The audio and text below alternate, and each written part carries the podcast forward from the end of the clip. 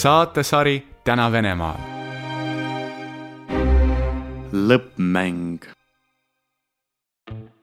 kui enne internetiajastut oli inimkond hädas sellepärast, et informatsiooni oli vähe, siis täna oleme hädas, sest seda on liiga palju. internet annab igale inimesele võimaluse väljendada oma arvamust ja selline võimalus lubab rikkama fantaasiaga isikutel esitleda faktide asemel oma väljamõeldisi. nii sünnib pidevalt uusi uskumatuid konspiratsiooniteooriaid mõni konspiratsiooniteooria võib teile vabalt tagantjärgi selgitada ükskõik millise majandusliku või poliitilise sündmuse loogikat. näiteks seda, kes on koroonapandeemia taga. sellised teooriad ei suuda aga ennustada tulevikku ja selles ongi nende suurim nõrkus ja koos sellega ilmneb ka nende ebateaduslikkus kui paljud Vene kodanikud räägivad lootusest Venemaa helgemale tulevikule, siis oli ilmselt vähe neid, kes oskasid arvata, et sellised lootused hakkavad tõeks saama riigi kaugses idaosas, väikses linnas nimega Habarovsk. see linn asub Moskvast tuhandete kilomeetrite kaugusel ja seal elab ainult kuussada tuhat inimest. Miks ja kuidas Habarovski linnast saab algpunkt Putini autokraatliku režiimi hävitamisel, sellest lähemalt saate teada tänases osas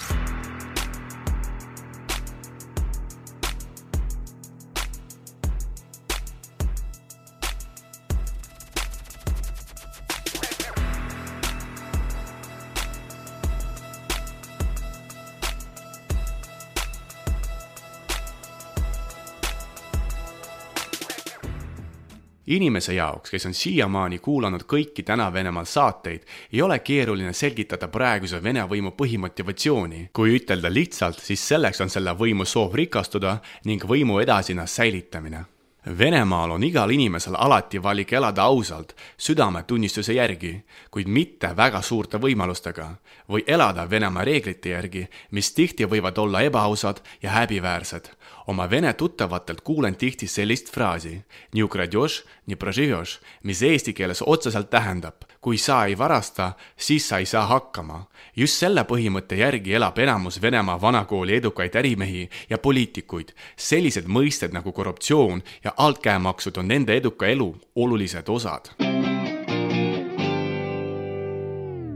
nagu kriminalist, kes uurib mõrva ja tahab teada mõrvari motiivi, üritan minagi mõista Venemaa suurimate poliitikute motiive, selgitada endale, miks nad olid nõus valima endale tee, mida nad täna käivad, millega nad seda valikut põhjendavad ja kuidas neil õnnestub öösiti rahulikult magada, sest kui nad tõesti magavad rahulikult, tuleb välja, et nad on kuidagi veennud oma südametunnistust, et nad käituvad õigesti tähendab, käituvad nii õigesti, kui saab antud olukorras.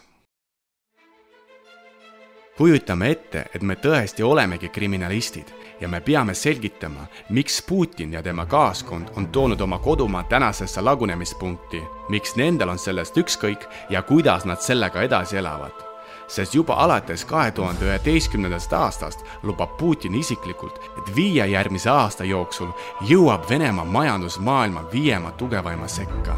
За следующие пять лет войти в пятерку крупнейших экономик мира. По нашим оценкам, уже в ближайшие 2-3 года Россия войдет в число пяти крупнейших экономик мира. Россия должна не только прочно закрепиться в пятерке крупнейших экономик мира. Абсолютно реальная задача ja nii ta rääkis kuni aastani kaks tuhat üheksateist, kuni lõpuks alles hiljuti tunnistas tema pressisekretär Dmitri Peskov, et selle plaaniga peab nüüd peatuma, sest olukord maailmas on muutunud. Tähendab, kui selline plaan oli juba kahe tuhande üheteistkümnendal aastal, siis see oleks pidanud realiseeruma kahe tuhande seitsmeteistkümnendal, kuid tegelikult on iga aastaga olukord läinud aina halvemaks alustame sellest, et Putini jaoks oli Nõukogude Liidu lagunemine kahekümnendast sajandi suurim geopoliitiline katastroof ja sellega võib olla nõus, sest paari päeva jooksul hakkasid paljud selle riigi kodanikud elama välismaal, keset uusi kultuure ja seadusi ja mis kõige tähtsam, uute ühiskondlike reeglite järgi, millele enamus ei olnud isegi valmis. mõelge, te elate terve oma elu ühes riigis ühtede normidega ja reeglitega ja siis järsku ühe päevaga hakkate elama riigis, kus paljud nendest normidest ja reeglitest enam ei toimi.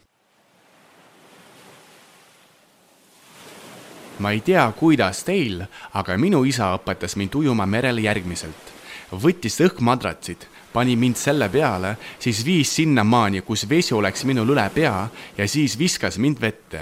ja kui ta nägi, et ma hakkan uppuma, võttis ta mind veest välja, pani jälle madratsi peale, andis mulle natuke aega puhata ja seletas, mida ma peaksin tegema, et järgmine kord see ujumine tuleks minul paremini välja ja siis viskas mind uuesti vette umbes sama asi juhtus enamuste Nõukogude Liidu kodanikudega, kuid pääsma neid keegi ei tulnud.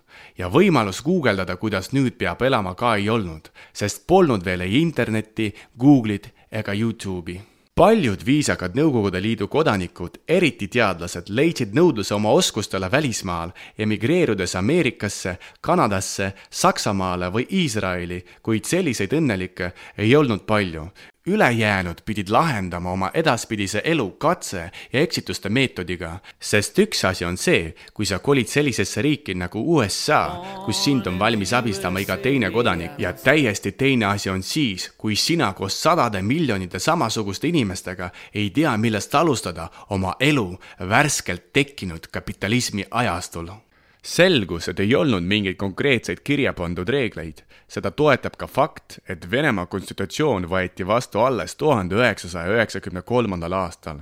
isegi Venemaa esimene president Boriss Jeltsin tõestas, et ta ei tea, kuidas ehitada demokraatiat, kuid ta jättis mulje, et ta tahab seda õppida nendelt, kes kapitalismi päriselt tunnevad. ja nii pidigi igaüks õppima kapitalismi ning turumajandust igapäevase elu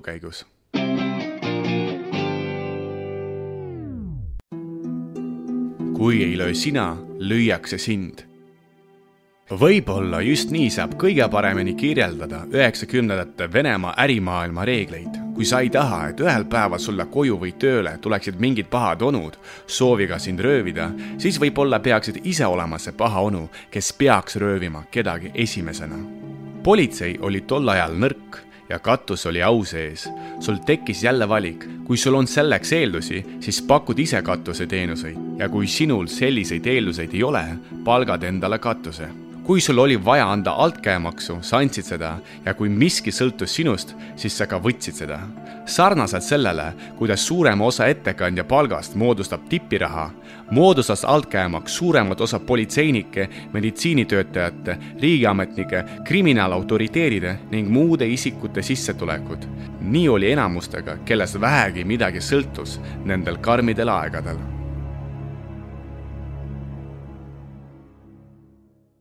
täna on elu Venemaal kindlasti muutunud, kuid harjumus vaadata seda maailma läbi räkiti ja väljapressimise vaatenurga on säilinud paljudel inimestel, kes juhivad tänast Venemaad. lihtsalt täna viiakse suur osa räkitist läbi seaduste toel. võib-olla sellepärast, et teistmoodi nad ei oska, võib-olla sellepärast, et nad elavad põhimõtte järgi, kui ei varasta, siis ei saa hakkama, või ka sellepärast, et nad on veendunud, et kui ei löö sina, siis lüüakse sind ja pigem me varastame ise, kui keegi muu hakkab varastama meilt. kuid lähme mõneks hetkeks tagasi ja tuletame meelde, et kõik algab valikust. Venemaal, nagu ka legendaarses Matrixi filmis, on alati kaks tabletti. esimene lubab mängida reeglite järgi, mis on levinud, kuid seadusvastased, aga sellest keegi ei räägi teine pakub võimalust mängida oma südametunnistuse ja aususe järgi, kuid nii saab sinust valge vares, selline, kellega eriti keegi ei soovi mängida ning kellele alati tahetakse visata kaikaid kodaratesse, sest see, kes mängib ausalt, tuletab oma käitumisega teistele meelde, et nad teevad sohki. Sergei Furgal. võib-olla saab just see nimi Eesti kuulaja jaoks sama tuntuks kui Vladimir Putini oma. minu ja paljude Venemaa kodanike jaoks on ta juba täna tuntud. ja kui te küsite, miks, siis ma vastan teile, et just selle valiku pärast, mille ta tegi viimased kaks aastat on Sergei Furgal olnud Habarovski krai kuberner ning esindab LDPR parteid, mille liider on skandaalne Vladimir Žirinovski. Venemaa kraid sarnanevad meie Eesti maakondadega. Furgalile aitas võita kuberneri valimisi tark hääletamine, mis oli välja mõeldud meie teise saate kangelase Aleksei Navalnõi poolt selle hääletuse loogika on järgmine. tuleb hääletada tugevaima kandidaadi poolt, kes ei oleks võimupartiist Jedina Rossija. selline kandidaat Habarovski krais oli Sergei Furgal, kes kogus seitsekümmend protsenti valijate häältest. Furgali poolt tulid hääletama isegi need, kes tavaliselt seda ei tee. valimisaktiivsus oli nelikümmend seitse koma viis protsenti. Need numbrid räägivad vaid sellest, kui väsinud on inimesed Putini parteist Jedina Rossija esimese asjana, mida tegi Sergei Furgal kuberneri toolile asudes, oli iseenda palga vähendamine täpselt ühe miljoni rubla võrra, mis eurodes teeb üksteist koma viis tuhat eurot uus kuberneri palk hakkas olema neli tuhat kuussada eurot. samuti vähendati teiste kohalike ametnike palku, tänu millele oli võimalik kokku hoida kaheksa miljoni eurot piirkonna eelarves. peatati kahtlased riigihanked, müüdi maha isegi kohaliku omavalitsuse jaht, mis nõudis iga-aastast hooldust summas seitse tuhat eurot Forgal hakkas aktiivselt tegelema teede ehitusega ja kommunaalprobleemide lahendamisega ja see ei ole veel kõik, mida kahe aastaga jõudis teha uus kuberner. Teiste sõnadega, inimene hakkas päriselt töötama nii, nagu peaks töötama iga poliitik, kes tahab oma riigile parimat. Sergei Furgal ise ütles, et niikaua, kui tema on kuberner, on tema ainus partei Habarovski krai tema reiting ja populaarsus hakkasid aktiivselt kasvama ning Putini reiting regioonis hakkas langema. kuid nagu igas põnevas Hollywoodi filmis, kui kõik on liiga pikalt hästi, peab midagi kindlasti minema valesti selle aasta üheksanda juuli hommikul võttis FSB eriüksus Sergei Furgali tema kodu juures enne tööle minekut kinni.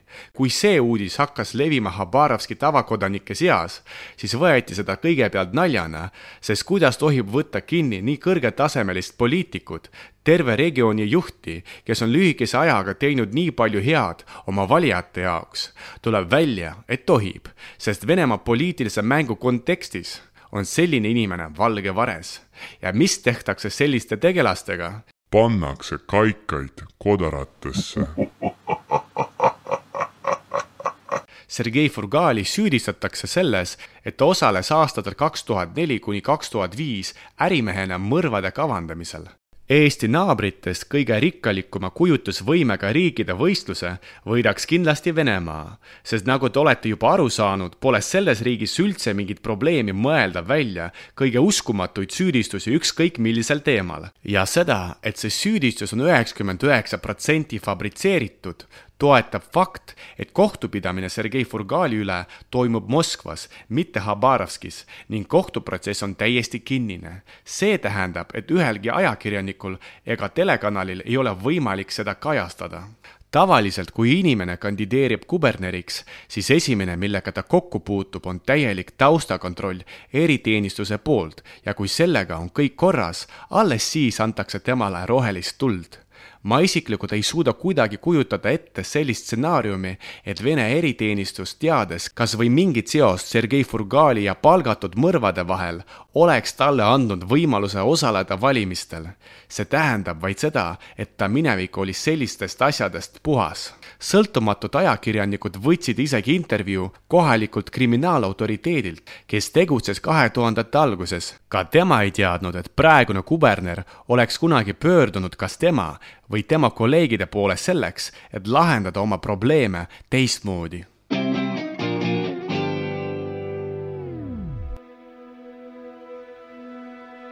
kuid nagu üteldakse, ei ole halba ilma heata. Sergei Furgal, kes oma töö ajal näitas tõelise regionaalse liidri omadusi, tõusis pärast aresti regiooni elanike jaoks föderaalvõimu vastase võitluse sümboliks ja siis hakkas pihta midagi sellist, mida ükski konspiratsiooniteooria ei suutnud ette näha.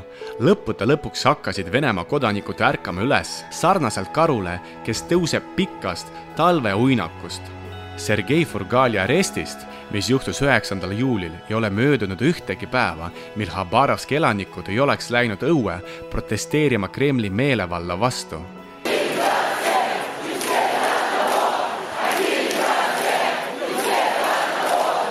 erinevate andmete järgi on Habarovski tänavatel iga päev välja tulnud viisteist kuni viiskümmend tuhat inimest ja seda vaid Tallinna suuruses linnas. ma ei tea, millega lõpevad need miitingud, kuid üks asi on selge.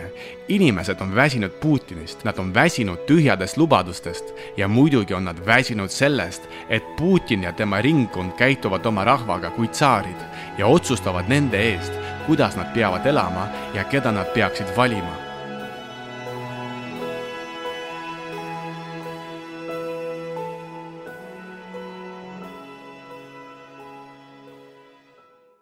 sarnaselt sellele, kuidas Nõukogude Liidus tekkis kaheksakümnendate lõpus avalikustamise laine, mis viis selle riigi täielikku hävingusse, on interneti levik kõige kaugematesse Venemaa nurkadesse loonud olukorra, kus Putini režiim muutub iga päevaga aina nõrgemaks inimesi, kes ei oska kasutada arvutit ja kes täielikult usaldavad vaid riigi telekanaleid, enam peaaegu ei ole.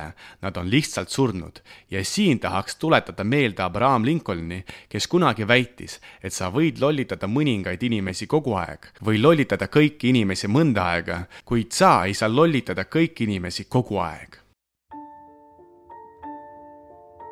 Vladimir Putin ise, kes kuidagi ei taha lahkuda Venemaa juhi ametilt ja kes on lõplikult kaotamas sidet reaalse olukorraga riigis, näeb aina rohkem välja nagu Madame Tussauds muuseumis asuv nukk. tema botoksi nägu jutustab tähelepanelikule vaatajale, et ta ei suuda leppida oma vanadusega ega sellega, et tema aeg on läbi sest kui mõelda, päris meeletult kõlab ju see fakt, et kahekümne esimese sajandi demokraatlikku riiki juhib seitsmekümneaastane KGB agent, kes uneleb suure impeeriumi taaskehtestamisest, tähistades võite, millega ta ise ei ole kuidagi seotud, ohverdades samal ajal oma kodanike tervist ja elusid Putinit võib selles osas ületada ainult Valgevene president Aleksandr Lukašenka, kelle režiim, mis on kestnud juba kakskümmend kuus aastat, hävib praegu terve maailma silmade ees seoses järjekordsete presidendivalimistega, kus ametliku statistika järgi oli tema poolt kaheksakümmend protsenti hääletajatest, kuid protestid üle terve riigi näitavad vastupidist olukorda. Ukaidi! Ukaidi! Отвечаю вам на этот вопрос. Можете еще покричать.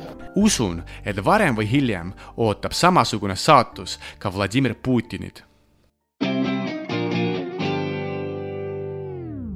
Venemaa on tõesti väga suur riik ja muutused seal toimuvad aeglasemalt kui ütleme Eestis, kuid isegi seal nad toimuvad. mina kui selle saate autor tahan, et sündmused, mis praegu toimuvad Habarovskis ja koos sellega ka viimane osa saatesarjast Täna Venemaal, sümboliseeriksid endaga Putini ajastu alguse lõppu ja tõelise Venemaa ülesärkamist, mille elus oleks rohkem selliseid julgeid ja vapraid inimesi nagu Habarovski krai kuberner Sergei Furgal kas temast saab järgmine Venemaa president, ma ei tea, kuid tema, nagu ka kõik teised selle saate kangelased, innustavad mind ja miljoneid teisi venelasi unistama uue Venemaa helgest tulevikust. see oli saade Täna Venemaal, saadet tegi Georgi Abalõmov ja nagu alati, saate lõpus hea muusika Venemaalt. bänd nimega Võše lauluga Privet Moskva